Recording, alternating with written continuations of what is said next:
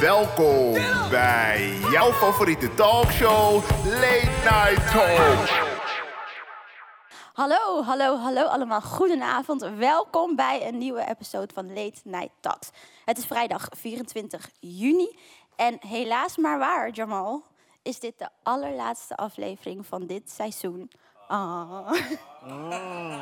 Wij hebben dit met z'n tweeën geoefend. Ik kan duidelijk merken dat jullie niet hebben meegeoefend.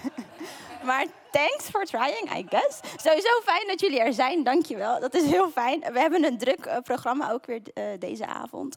Ehm, ik heb al twee gasten hier zitten. Ik ga straks beginnen met de cookout. Daarna ga ik ze echt aan jullie voorstellen.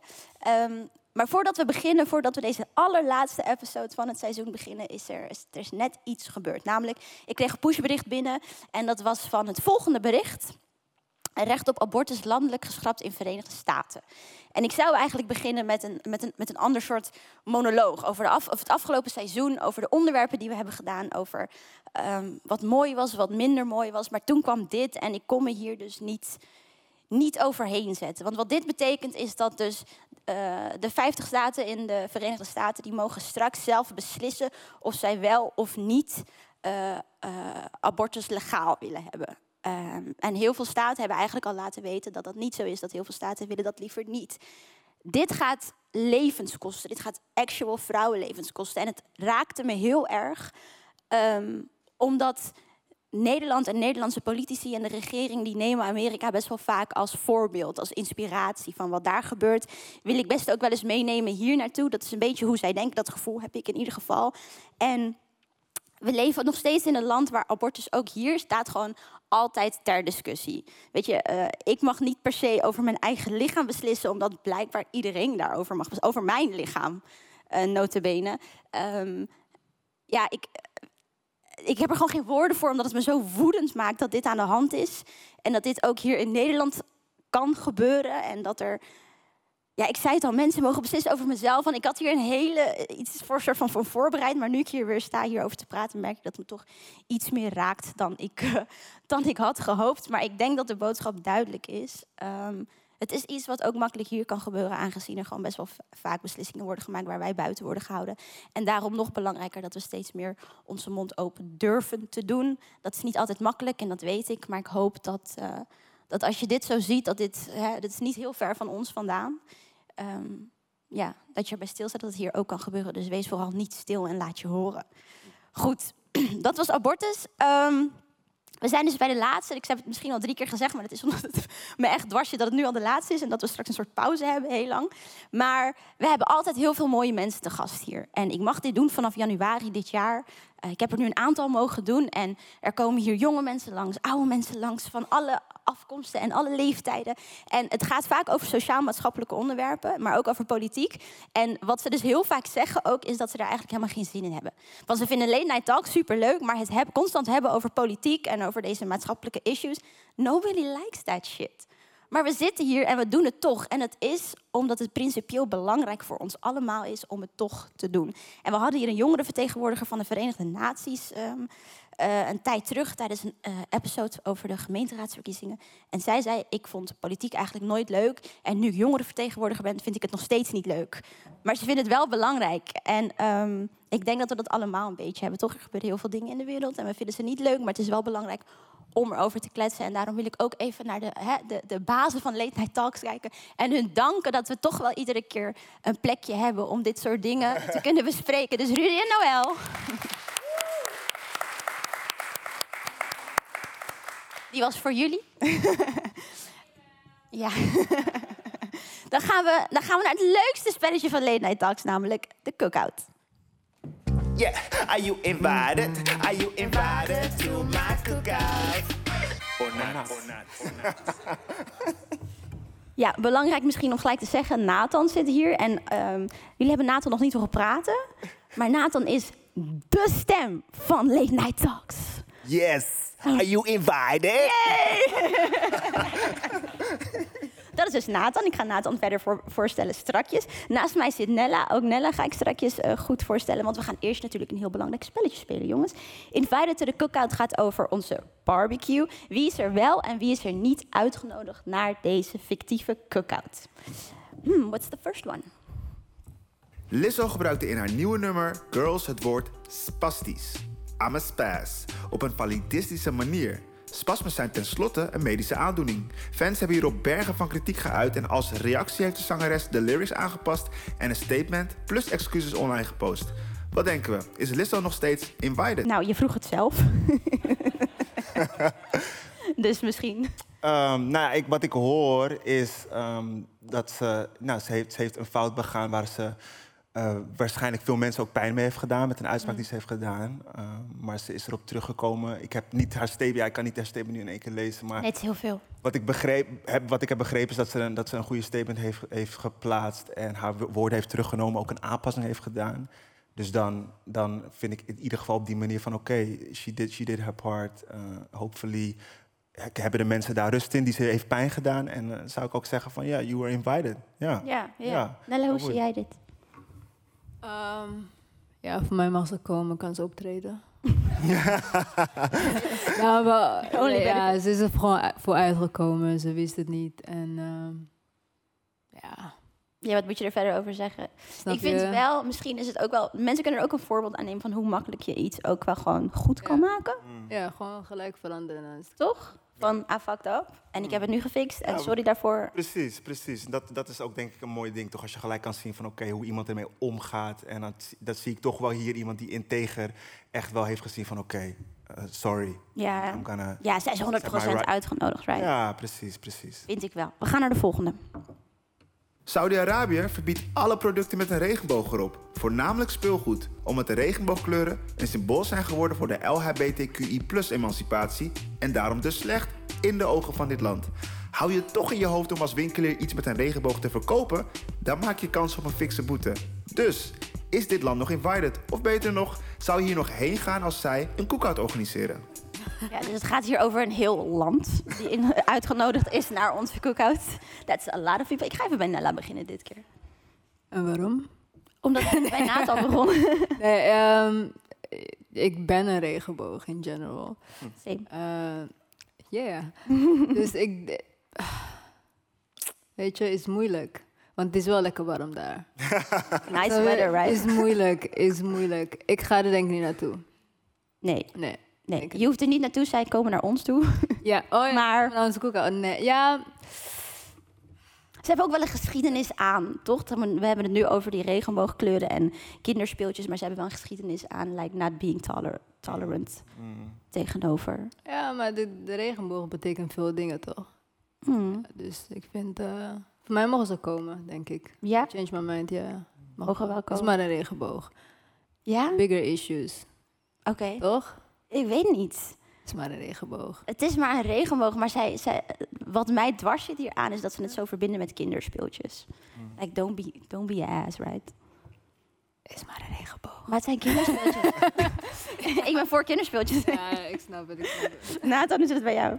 Nou, ik denk wat je zelf al net zei, ik denk dat dat een heel goed punt is. Want we hebben het inderdaad over een heel land. En ik vind het daarin lastig van hoe ga je een, een heel land eh, ehm, ja, beoordelen op iets, snap je? Want er zullen vast heel veel mensen zijn in dat land die er anders over denken, maar die hebben geen C in wat er vervolgens publiekelijk naar buiten wordt gedaan, wordt, ge- wordt ge- ja, naar buiten wordt geshowd vanuit ehm, recht en regels en wetgeving, noem maar op. Dus dat vind ik dan een lastig ding. Dus in die zin vind ik het moeilijk om daar überhaupt antwoord op te geven. In, ja, omdat het gewoon een heel land betrekt. Dus Dus ze, ze zijn niet echt invited, maar ze mogen misschien een voorgerechtje. Nou, ik vind het natuurlijk wel kwalijk voor, ook again, voor de mensen die zich daar pijn mee doen met zo'n heftige uitsluiting. Daarnaast hoor ik ook heel goed van inderdaad, it's a, it's a rainbow. Ehm, maar ik denk inderdaad, again, een heel land. Dus ik, ik kan niet zeggen, oh, ik ga je hele land niet inviten. Ja, precies, precies. I hear you, I hear you.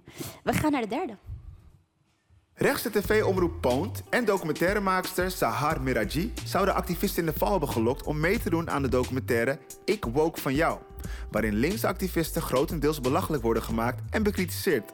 Hen werd van tevoren niet verteld dat het een Poont-productie was. En ook de documentairemaakster zou haar sneren pas in de voice-over hebben toegevoegd, waardoor geïnterviewden dachten dat ze een integer gesprek voerden over hun activisme. Maar in realiteit kwamen ze onder vuur te liggen. Wat denken we? Zijn Poont en Sahar Miraji nog uitgenodigd?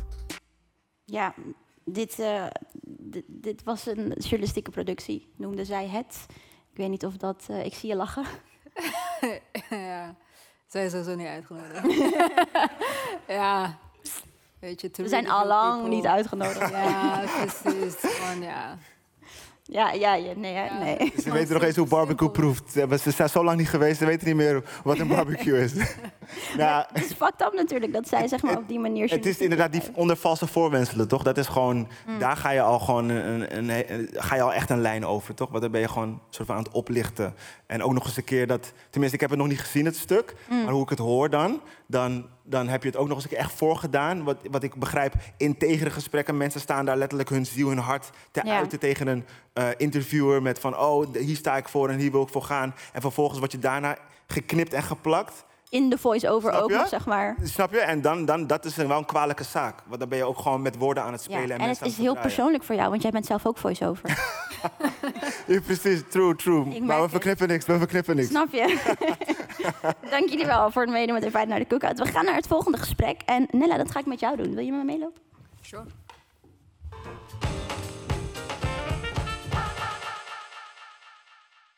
Yes.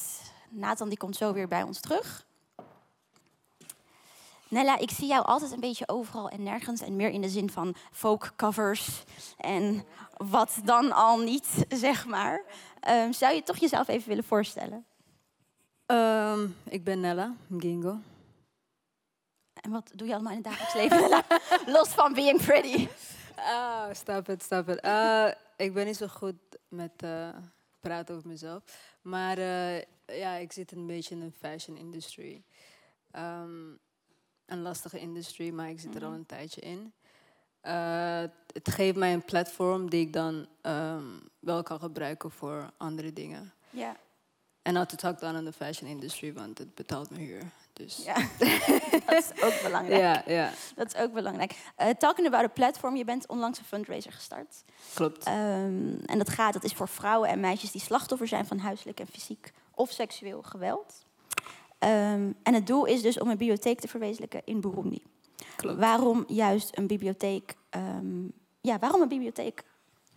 Ehm, ik ben in Burundi opgegroeid eh, tot ik 12 jaar was. Dus ik heb kunnen zien wat er nodig was. En toen ik naar Nederland kwam, na een tijd, dus het was niet zo heel fijn, maar mijn leven is heel erg veranderd toen ik boeken kon lezen. Toen Ja. ik eh, ehm, dingen kon opzoeken online die, ehm, waar ik interesse voor had, zeg maar. Ik kon mezelf echt vinden. Ehm, ik heb heel veel geleerd over de queer community. Heel Ja. veel over mezelf kunnen achterkomen door alleen maar te lezen en ehm, de toegang te hebben tot eh, internet.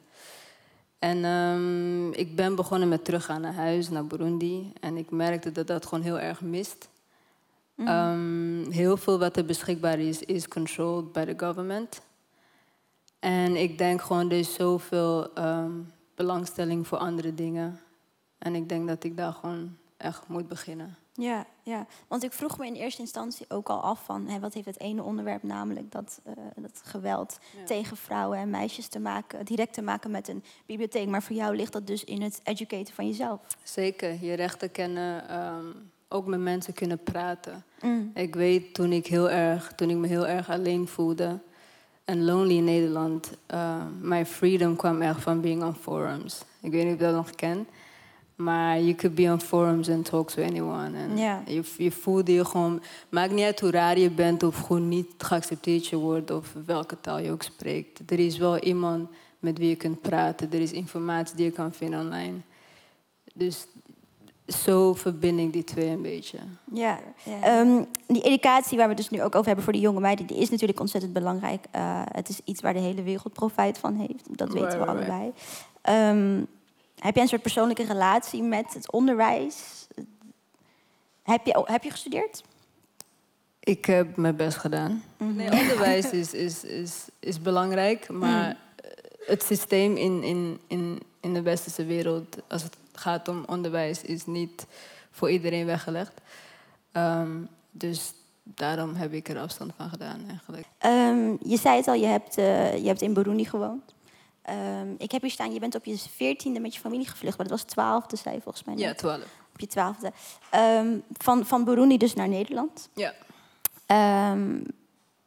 Heb je altijd al geweten dat je op een gegeven moment terug zou willen gaan of iets terug wilde geven aan de mensen daar? Ehm, toen ik kwam, wist ik niet. Ik wist wel dat ik aan het vluchten was, maar ik wist niet dat ik zou blijven. Oké. Het was voor mij. Ik, ik kon niet heel erg in de toekomst kijken.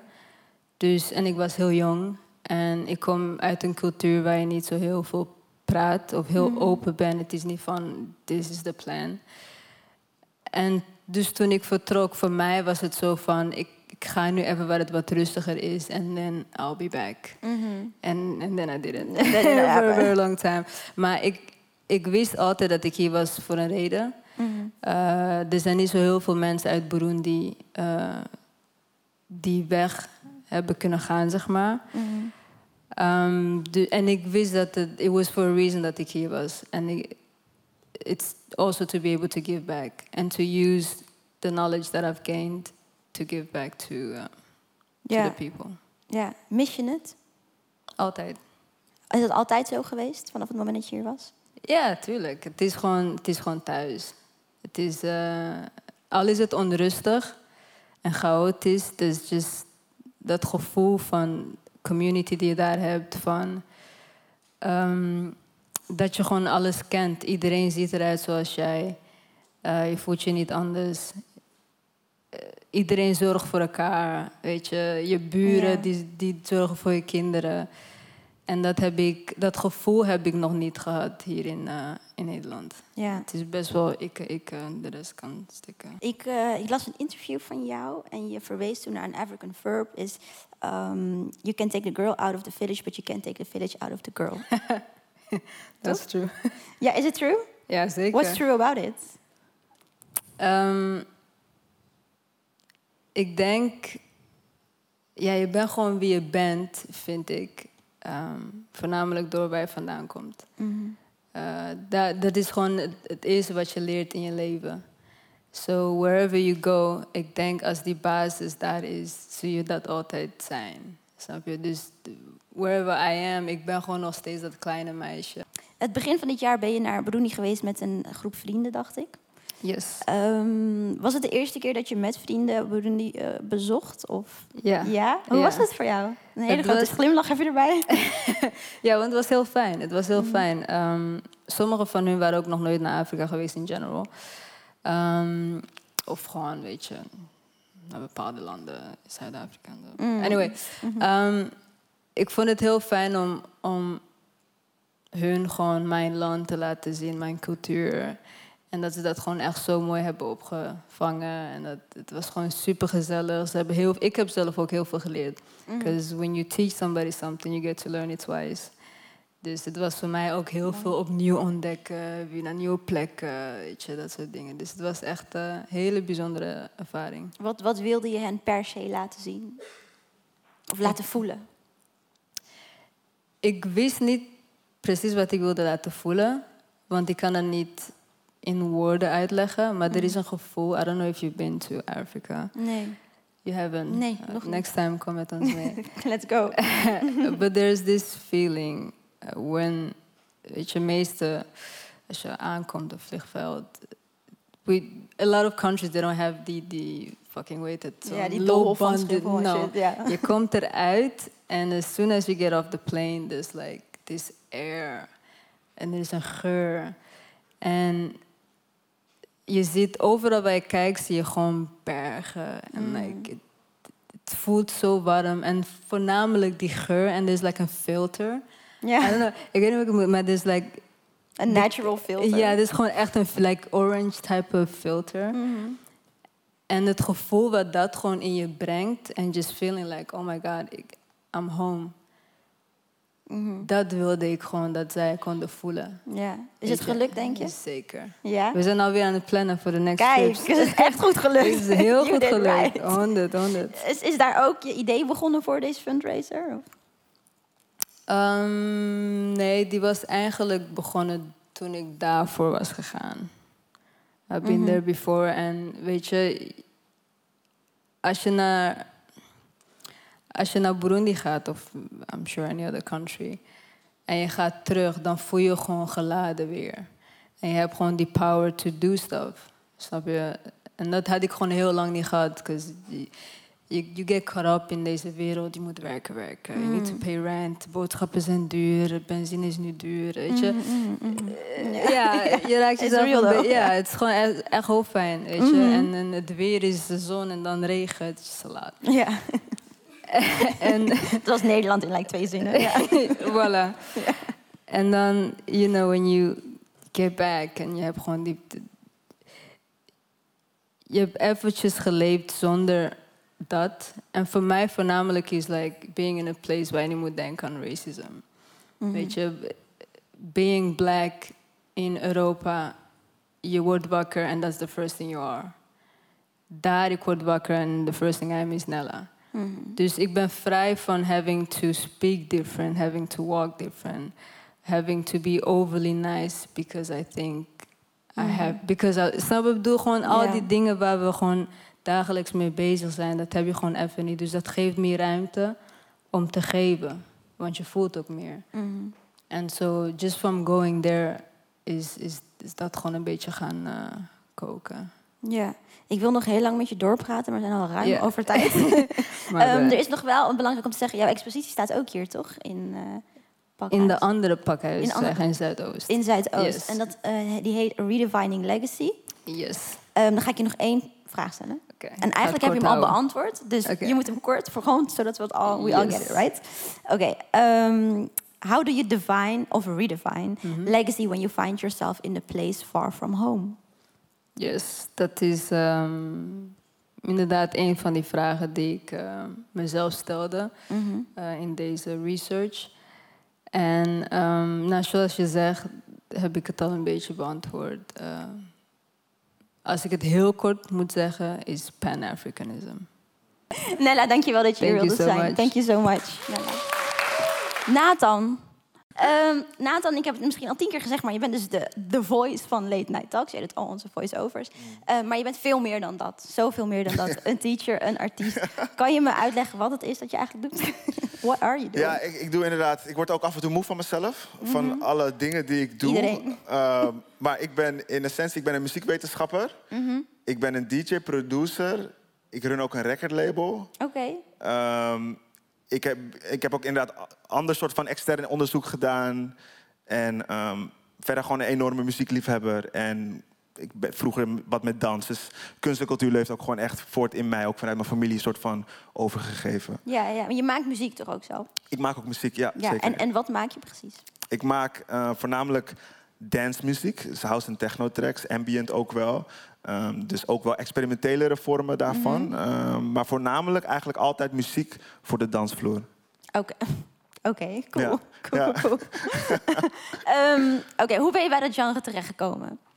Dat is altijd een leuke vraag.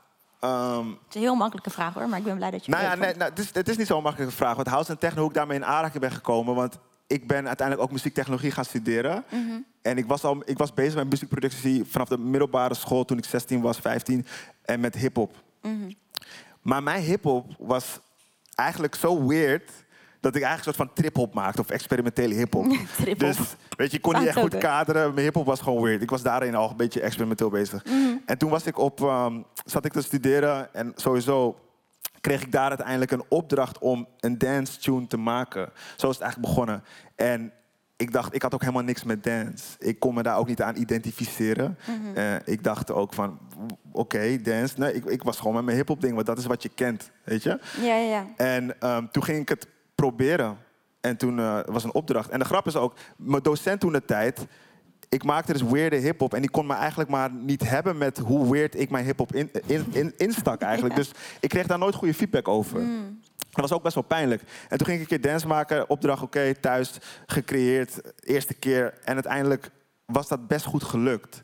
Ehm, en kwam ik ook terug nou, bij de docent, kreeg feedback en hij was voor de eerste keer zijn ogen gingen open. Van hey shit, this hits, it slaps, weet je?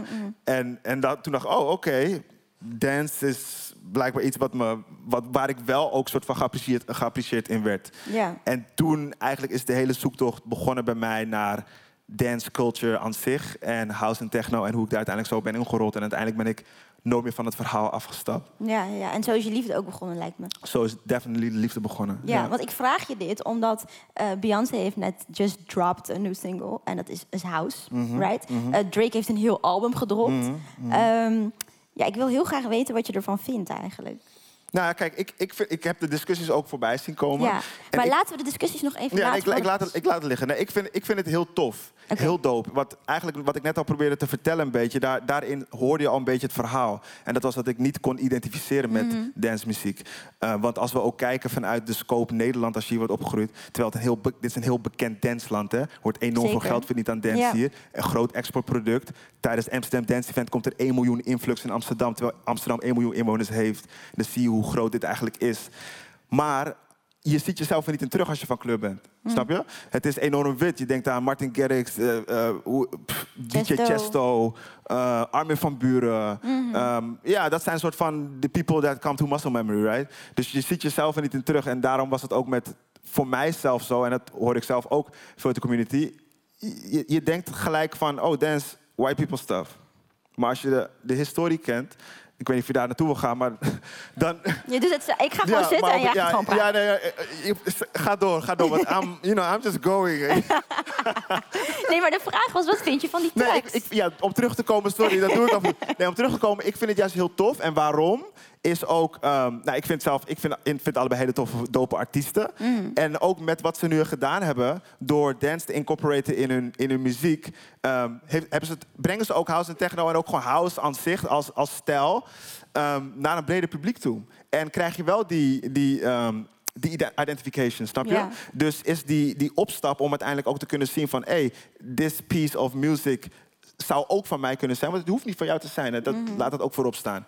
Uh, maar dat je jezelf erin kan vinden. En dat is denk ik wel wat hiermee loskomt. Ja. Ik denk tegelijkertijd zullen de mensen vanuit de... Ja, noem het de credible house en techno scene... daar weer wat anders te zeggen hebben. Maar dat zullen voornamelijk witte mensen zijn... die dan daar iets over vinden... omdat ze vinden dat de commercialiteit dan vervolgens daar weer mee gaat, ga- gaat borrelen. Maar dat is een commodificatieding van dance music aan zich. Ja, maar het is toch sowieso, want je had het over de discussie, dus ik ga nu even naar de discussie. Is, ehm, het is van oorsprong is het, zwart, is het een zwarte muziekstijl. Ja, eh, zwart en van de queer community, dat is wel heel belangrijk om dat wel erbij te benoemen. Ja, en waarom is het belangrijk om dat erbij te benoemen? Nou, omdat het ook niet in die zin, kijk, we hebben een raakvlak qua blackness. Ehm, maar ik, kijk, ik moet ook credit geven naar de cultuur die niet gebouwd is vanuit mijn necessity. Want het is uit een oorsprong gekomen waarin mensen, en we praten over Amerika, waar, waar, waar deze stijlen zijn ontwikkeld. Chicago, Detroit, New York, die voornamelijk de stempel hebben gedrukt. En als je het verhaal goed, goed bekijkt, dan. eh, dan zie je de verhalen van mensen, eh, voornamelijk queer, black, Latino man, vanuit de queer community, die eigenlijk een plek zochten, weg van het publieke oog, om zichzelf te kunnen zijn.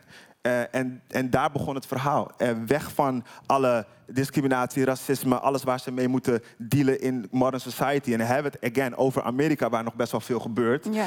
En dit was hun plek om, om bij elkaar te komen. En, Ja. eh, dus, dan, dus dan touch je best wel op, op, een, op een gevoelige plek, maar ook iets heel moois. Dus daarom, again, ik, ik moet me daar ook humble in opstellen.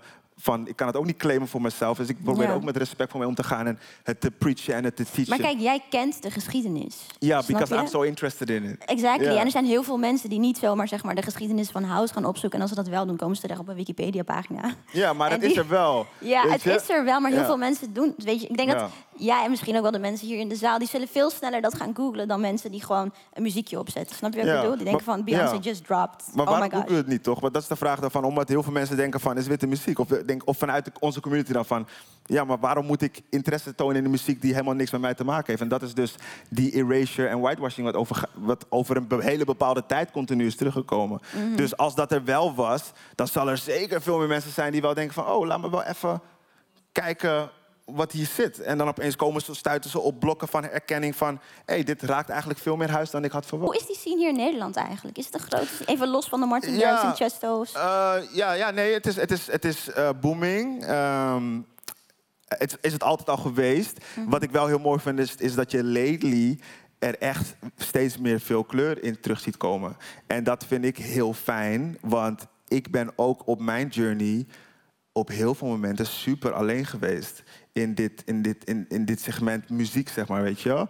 En de dingen die ik ook naar mijn hoofd heb gekregen, wat als je dan in de club komt wat als toerend artiest, van, oh, ben, ben jij de DJ? Moet je geen hip-hop draaien? Of moet je geen reggae draaien? Of, ehm, weet je wel, allemaal dingen dat, dat ze niet denken dat ik. En wat er dan gebeurt, ik doe dat niet meer, ik heb die energie niet meer. Maar ik schoot heel vaak dan opeens, ja, docent dat ik opeens aan het renten was in lectures. Van, je weet helemaal niks van, dit is dus zo Chicago, bla. En, dan begon ik, en dat heb ik heel lang gedaan, om, maar voornamelijk op plekken heel erg, ook buiten Amsterdam, maar ook hier. Ehm, Maar hoe voelde dat voor jou om dit soort reacties te krijgen? nou, dat, dat, dat, dat voelt niet nice. Want dan krijg ik ook niet een, een erkenning dat ik daar mag zijn of zo.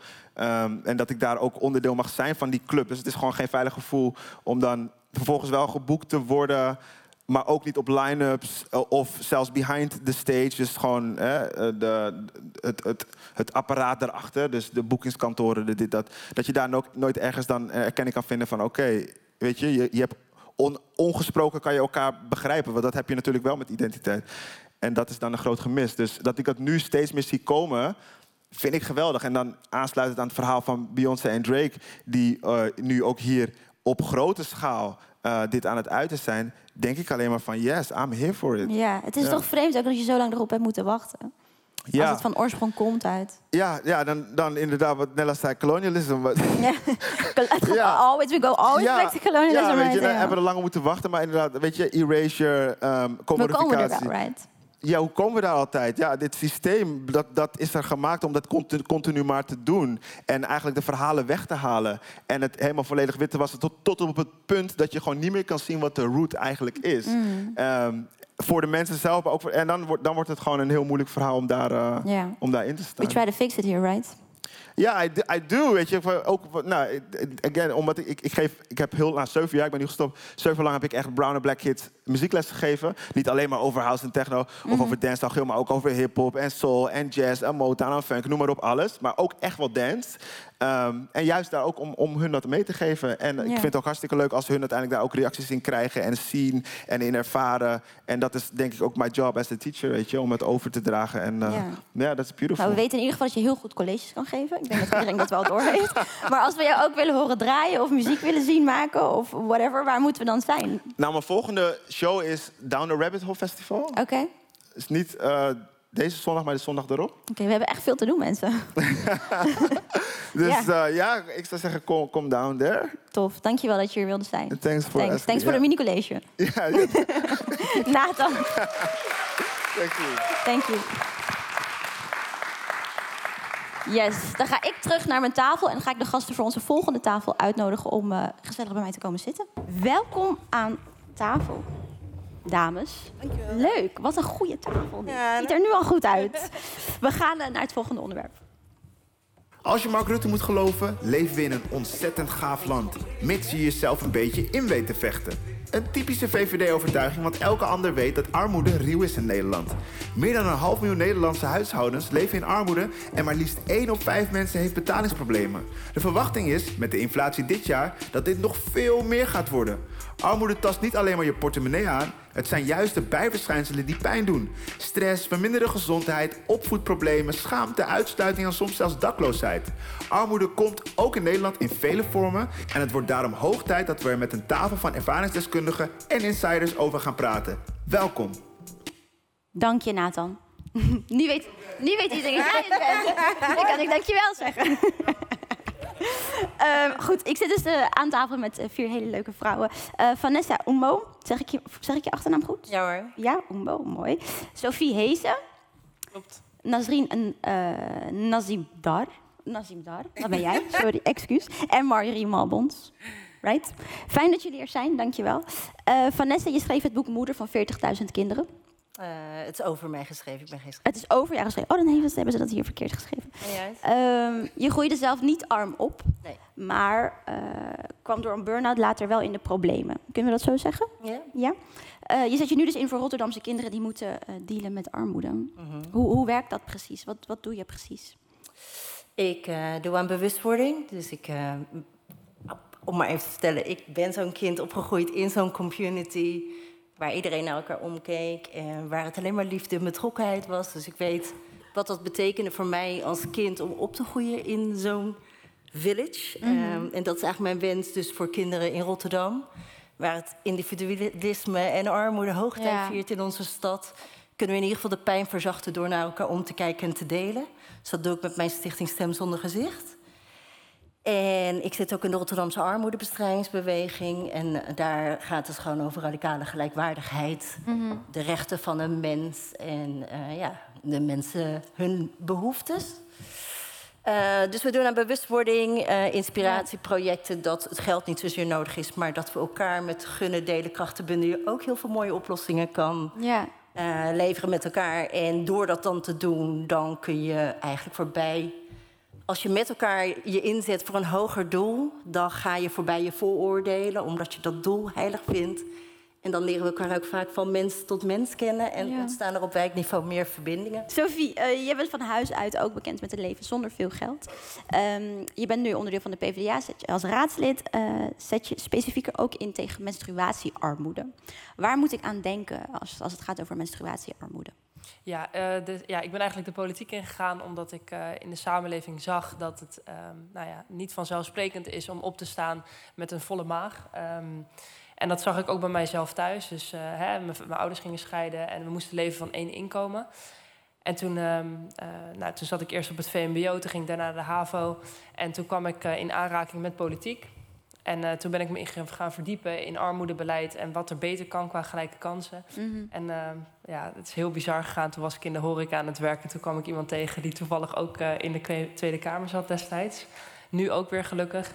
En ehm, ja, heel erg mijn eigen vorm aan het zoeken van... joh, hoe wil je ook gendergelijkheid inzetten in de politiek?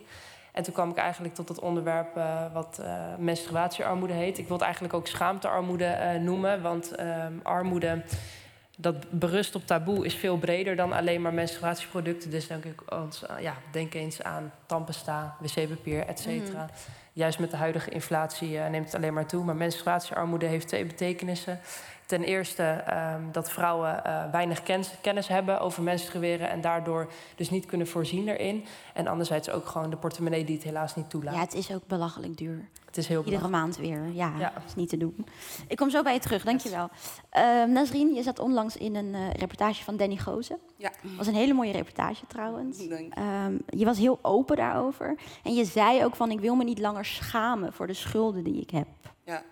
Eh, ja, je had het ook al even over, over schaamte met betrekking tot die schulden. Ehm, je, je zei zoiets als, ik heb, ik heb een chronisch geldtekort. Ja, chronisch geldtekort in diverse, als ik maar zo zeggen. Vooral met de gezondheid waar ik mee top. Eh, armoede, dat heb ik inderdaad. Je hebt een schaamte daarvoor, maar er komt natuurlijk heel veel bij. Want het is niet... Heel vaak denken mensen van armoede is gelijk, je hebt geen eten in huis. Mm. En bij Danny inderdaad is het echt de eerste ehm, reportage waar je een beetje een lading over je heen kreeg. Vanessa vroeg me niks van, wat, heb je geen negatieve eh, comments gekregen? Ik zeg, ja, natuurlijk wel. Ja, het internet. Maar dat is gewoon Ik, eh, ik heb hem gezien ook al een tijdje terug. Eh, ik vond het ook heel heftig om te zien. Want het is echt. Je kijkt bijna door jullie ogen mee naar hoe het van dag tot dag gaat. Heb je hem zelf teruggezien? Ja, Ja? Ja, ja, ja. Ik zei, eh, want eh, Danny en zo die hadden natuurlijk eh, gezegd: hey, heb je het gezien? Ik zeg ja. Het is, eh, terugkijkend is het heel zwaar. Ja. Maar niet voor mezelf, hoe ik mijzelf zie, maar eigenlijk voor mijn kinderen. En dan, ehm, ja, dan komt het eigenlijk een soort van eh, flashback van eh, dat ze altijd buitengesloten zijn. En ze hebben altijd hun best geprobeerd te doen, weet je, om bij te horen. Maar dan nog, omdat ze net iets niet hadden, konden ze niet meedoen. Eh, vooral met Mia, die zit toevallig daar. die is meegekomen hobbelen. En ehm, ik zat daar net al een traantje weg te pinken. Om te denken van dat zij, door de situatie waar wij in zitten... misschien haar studie niet af kan maken. Ze worden misschien uitgeschopt. Dan denk ik... Het is niet alleen- aan het stukje armoede... maar het ligt ook aan de communicatie intern... waar mensen geen begrip kunnen tonen. ja. Eh, we zijn heel open, je hebt het zelf gezien. Hoe open kan je meer zijn dat je al media gewoon heel met je billen bloot gaat. Maar dan nog, weet je wel, je laat het op school zien, je vertelt het aan school, maar nog krijg je geen hulp. Zou je zeggen dat het systeem jou gefaald heeft? Ehm, ja. ja, zeker wel. Ehm, ehm, als ik zo kijk om me heen, dat ik inderdaad wel in deze 22 jaar, bijna 23 jaar, heb gezocht naar hulp. En dat ze niet mijn hulpvraag heeft, hebben kunnen zeg maar, eh, helpen met de hulpvraag waar ik binnenkwam. Ehm, kijk, ik heb gewerkt, natuurlijk heb ik gewerkt. Ik heb als uh, werkconsulent heb ik gewerkt. Ik weet van de andere kant hoe ik mijn cliënten kan helpen. Maar dan kom je aan de andere kant. Ja, dan is het heel anders. Dan nemen ze je niet zo serieus. Uh, want hé, hey, geweld in huis, armoede, uh, alleenstaande moeder, je bent ziek. Dus dan word je heel anders bekeken. Mm. Terwijl ik weet um, ja, de wegen te bewandelen. Ja. ja. Maar, we zagen net in het filmpje, zagen we trigger warning, Mark Rutte. En um, hij, uh, hij, heeft, hij vindt dit natuurlijk een heel gaaf land. Hij vindt het een heel gaaf land. Um, VVD gelooft heel erg in gelijke kansen. Uh, ja, daar moet iedereen altijd een beetje om lachen. Uh, bestaan die gelijk, in principe zat het al in je antwoord, maar bestaan die gelijke kansen? Nee. Nee, nee helemaal niet.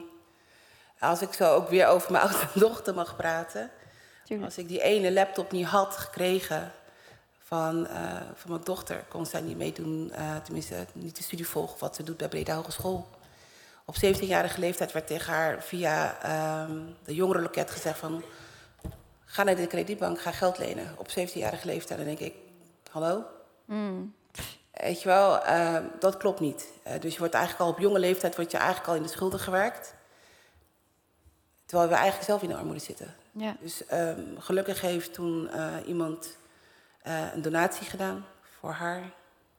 Die eigenlijk ook uit Afrika kwam. Die zit in Portugal, vanuit Portugal de oproep heeft gezien. En ja, zodoende kon zij zeg maar een laptop krijgen en ja. Naar school gaan. Uh, Marjorie, je bent directeur van Stichting Meet. Meet staat voor Mijn administratie is top. En je helpt, met, uh, je helpt mensen met schulden. Ja. Uh, hoe help je die mensen? Hoe kan je hen helpen? door naar ze te luisteren en echt te horen wat ze te vertellen hebben. En um, niets te beloven, maar echt met ze hand in hand een plan te maken waar ze zich goed bij voelen en waarvan je weet dat dat kan slagen. En ervoor zorgen dat ze een stabiel leven krijgen. En wij kunnen mensen niet altijd helemaal uit de schulden helpen. Want ja, dat, dat gaat niet altijd. Ik, uh, ik zeg ook altijd, wij zijn armoedeverzachters. Want bestrijding vind ik zo'n naar woord. Mm. Dat doe je met ongediertes. En dat zijn wij niet als mensen. Mm. En armoede zal je nooit kunnen bestrijden omdat het wereldbreed is. Dus wij noemen onszelf armoedeverzachters. En door te kijken naar het daadwerkelijke probleem en ook te zien dat er meer is dan schulden op papier, maar dat er ook kinderen zijn en dat er huisvesting is en dat er inrichting moet zijn, dat er boodschappen moeten zijn, dat er kleding moet zijn, daar help je ze al heel erg mee. Ja. Ja. ja. Er zijn veel gemarginaliseerde groepen die zich niet, nou, die, die ten eerste herkennen ze zich niet in bepaalde instanties, uh, maar ze geloven daar ook niet meer in. De mhm. vertrouwen is weg, weggezakt. Um, dat is niet zo vreemd eigenlijk gezien de, het nieuws van de afgelopen tijd. Ja. Um, ze hebben slechte ervaringen gehad, noem maar op. Um, ze durven ook bijna geen hulp meer te zoeken. Klopt. Hoe, hoe, hoe fix je zoiets? Is, valt dat überhaupt te fixen? Uh, nou, ik denk van wel. ik kom zelf ook uit de armoede. En uh, wat Nasrin net vertelt, ik heb met mijn zes kinderen ook in armoede geleefd en ook schulden gehad en ook hulp gezocht. En uiteindelijk uh, zeggen ze, nou ja, oké, we gaan je helpen. En dan wordt het van kwaad tot erger. En dan moet je ineens zonder bewind. Terwijl je denkt, hé, hey, nog een jaar, dan ben ik klaar bij de kredietbank. Mm -hmm. um, en door eigenlijk twee rechters uh, heb ik menselijkheid gezien. Niet, niet de mensen die mij moesten helpen met de schulden, maar echt de mensen die de knopen door moesten hakken. En de ene rechter zei, nou ja, bewind is drie jaar. Je krijgt van mij twee jaar, want jij hebt echt anderhalf jaar geen schulden gemaakt en je best gedaan en het is niet bij jou fout gegaan. En de tweede keer was toen ik klaar was met bewind en de bewindvoerder zei van, um, jij krijgt geen schone lijn, noemen ze dat, want je hebt je best niet gedaan omdat ik uh, twaalf sollicitatiebrieven te weinig had gestuurd. Geen nieuwe schulden. Want hoe ver had je er al gestuurd?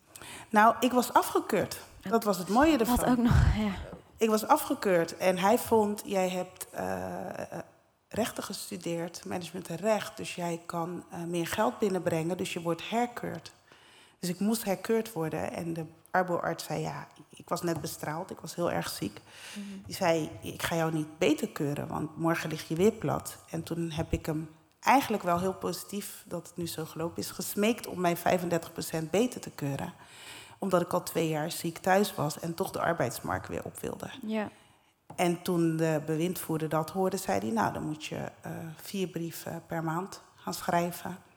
En eh, de kanttekening bij mij was van, ja, ik wil het best wel doen, want ik wil werken. Maar besef wel dat ik een gat van twee jaar op mijn cv heb. Kan ik zulke mooie papieren hebben. Maar als een werkgever dat ziet en eh, ik ga niet liegen. Van, oh nee, er is niks aan de hand. Ik ga gewoon vertellen dat ik ziek ben. Ja. Dus ik word afgewezen, hou daar rekening mee. Nou ja, en dat zijn dus die twaalf brieven die ik niet kon schrijven. Nee. Ehm, Dus als ik het goed begrijp, op basis van die 35% waarmee jij was goedgekeurd, Mhm. moet jij vier brieven per maand moest je schrijven. ja, Ja, en dus na vier maanden vond meneer of mevrouw dat je twaalf brieven te weinig had geschreven. Toen het daar kwam, het moment dat we naar de rechtbank moesten, dat ik eh, een- een schone lijn moest krijgen, toen heeft als aanbeveling naar de rechtbank gezegd, ze heeft niet voldoende aan haar eh, verplichtingen voldaan. En daar vielen dus die twaalf brieven onder. Ja. En dat heeft ervoor gezorgd dat nou, ja, de rechters zei, nou dat gaan we niet doen. Je moet een beetje menselijkheid kunnen tonen, dit kan niet. Eh, zij krijgt wel een schone lei als ze twaalf brieven, ook al is het naar Timboek toestuurt, het maakt niet uit.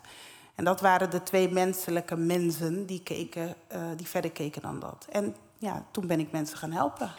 ja, wat is de eerste stap die je neemt om iemand te helpen?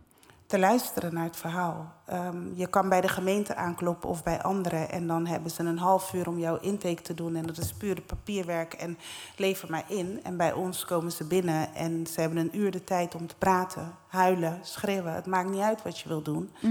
Eh, er staan geen beveiligers op de loer die jou buiten kunnen zetten, net Nee. als bij de gemeente. En eh, als ze dat hebben gedaan, dan gaan we over naar wat, wat, wat moet er betaald worden. Ja, Is de huisvesting oké? Heb je kinderen? Wat moet er gebeuren? ja. Dus ze- dat is wat wij ze geven, waardoor ze zelf naar ons toe komen van... ik ben daar geholpen, je kan gaan. En ze melden zichzelf aan. Wat fijn dat Ja. dat gebeurt. Verhaal. Eh, Vanessa, je leefde zelf van 28 euro per week toen je besloot kinderen met honger te helpen. Hoe, hoe confronterend was dat voor jou? Eh, nou, het was eigenlijk eerder dat ik eh, door die burn-out en die klokkenluide situatie in een burn-out terecht was gekomen. En eh, eigenlijk niemand eh, het goed begreep, inclusief ik niet en de specialisten niet en mijn omgeving niet. Altijd blij, positief en veerkrachtig. Ja. En toen zei maar het gaat niet zo goed. En ze zei, ja, maar het gaat altijd goed met jou. Ik zeg, ja, oké, maar nu even niet. Ja, maar ja, maar... Ik zeg, oké, maar kan iemand alsjeblieft luisteren? En als je niet zo goed weet wat ik doe... of wat, eh, wat jij voor mij kan doen, wat doe ik voor jou? Ja, ja, je bent er gewoon. Ik zei, wees er dan ook alsjeblieft voor mij. Nou goed, dat lukte niet. Ik raakte eh, geïsoleerd, eenzaam. En omdat ik een koopwoning had, eh, verdampte mijn geld en kwam ik dus in die armoede terecht. Ik was altijd hulpverlener, dus ik kwam achter die voordeur bij die gezinnen en dacht dat ik snapte wat de impact van armoede was. ja. Dus heel erg op die levensbehoeftes, dat het weinig is of minder of niet. Maar nu snapte ik wat de geestelijke impact was. Dus ik, ik raakte helemaal verlamd. En, eh, vier zinnen formuleren op mijn laptop lukt al niet meer. Schoof dat ding ook gewoon onder mijn bed. En dat, bleef daar gewoon een paar maanden. Dus ik functioneerde helemaal niet meer. En toen ik een artikel las dat één op de vier kinderen in, in de stad waar ik leef... in armoede opgroeit, ben ik... Oh, my fucking god. Een kwart van de hele stad waar ik in leef... voelt zich waarschijnlijk zoals ik. Zo'n grote stad ook. Ja, maar dat, dat, toen was het over 58.000 huishoudens. En dat is op papier, dus, hè, dus dat is op basis van inkomenscijfers. 10 euro boven die inkomensgrens ben je officieel geen armoede meer, ga je het ook niet redden.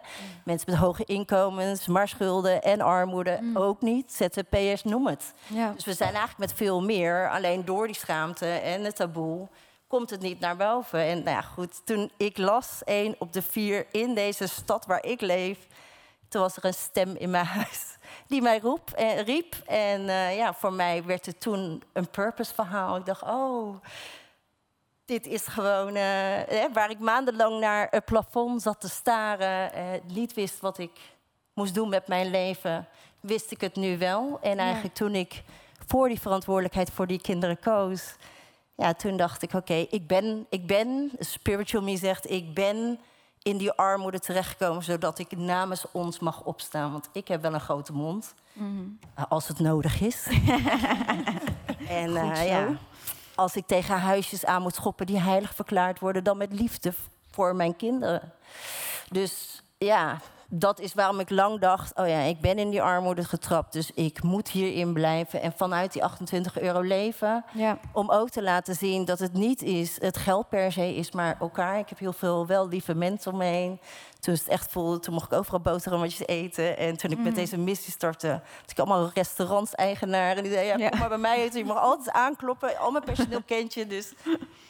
Dus Mhm. ja, ik, ik kon het gewoon heel lang goed redden op die manier. En daarmee wilde ik eigenlijk, je practice what you preach. Als je het individualisme veroordeelt, ja, doe het dan zelf op een Ja. manier en inspireer anderen het ook zo te doen. ja. Ik dacht dat dat de weg zou zijn. Sophie, je hebt nou best veel verhalen gehoord. En volgens mij hoor je ze vaker ook. Eh, je bent raadslid. Wat neem je hier nou uit mee? Heel veel. Ik, eh, het is altijd belangrijk om verhalen op te halen eh, vanuit persoonlijke ervaringen, maar ook eh, nou ja, dingen die gewoon echt gedaan worden in de praktijk, ook door organisaties. En eh, dat, dat, dat vind ik heel waardevol. En dat vond ik al, altijd al waardevol voordat ik überhaupt de politiek inging. Omdat mijn moeder mij altijd heeft meegegeven. Althans, zij ging zelf ook voedselpakketten maken toen wij eh, naar de voedselbank moesten. Dus dat, dat, dat he- die hele dynamiek ken ik. Ehm, maar het is gewoon zo belangrijk als je bezig bent met armoedebeleid. En ik als volksvertegenwoordiger eh, ga daar ook over. Ehm, neem die verhalen in je op, ga mee, kijk achter de voordeur en probeer ook zelf als individu zeg maar, mee te helpen. Eh, het is helemaal niet zo gek om af en toe naar een gezin te gaan die het moeilijk heeft om daar het gesprek met de kinderen aan te gaan. Ook al ben je volksvertegenwoordiger, je blijft gewoon echt mens. Ja, Dus, eh, want hoe, hoe, hoe is dat om jou heen? Ik bedoel, jouw collega-politici, hoe gaan zij om met dit thema?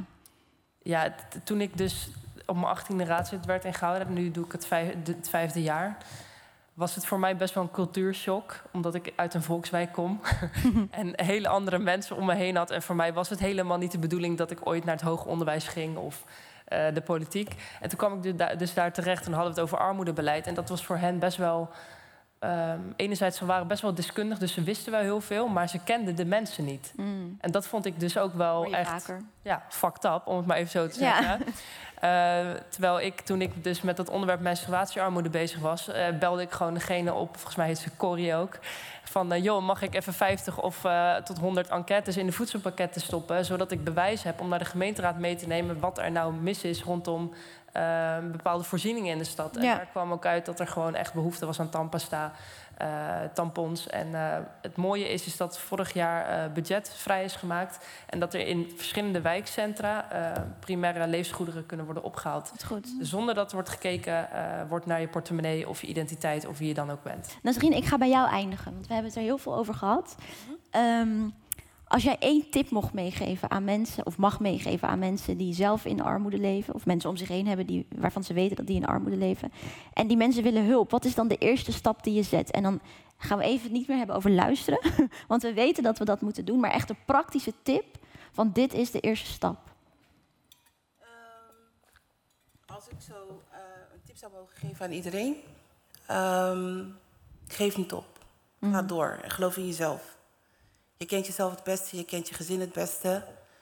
Ehm, ja, schaamte is er heel erg, maar leer jezelf dat het iets je overkomen is. Ehm, je hebt geen, ehm you're not a criminal, zal ik maar zo zeggen. Ja. Je probeert te overleven. En dat is eh. Voor de mensen die nog niet gez- gezien hebben, Danny's Wereld met Nazreen staat nog steeds op YouTube. Een aanrader, moet ik zeggen. Dankjewel, jullie alle vier, dat jullie hier wilden zijn vandaag. Jullie in de zaal bedankt eh, voor het meeluisteren. Wat waren jullie braaf ook. Jeetje. Dankjewel. Eh dit was de laatste aflevering van dit seizoen. Dus we hopen jullie over een paar maandjes weer te zien. Dank voor het komen. Mensen thuis, bedankt voor het kijken en tot de volgende.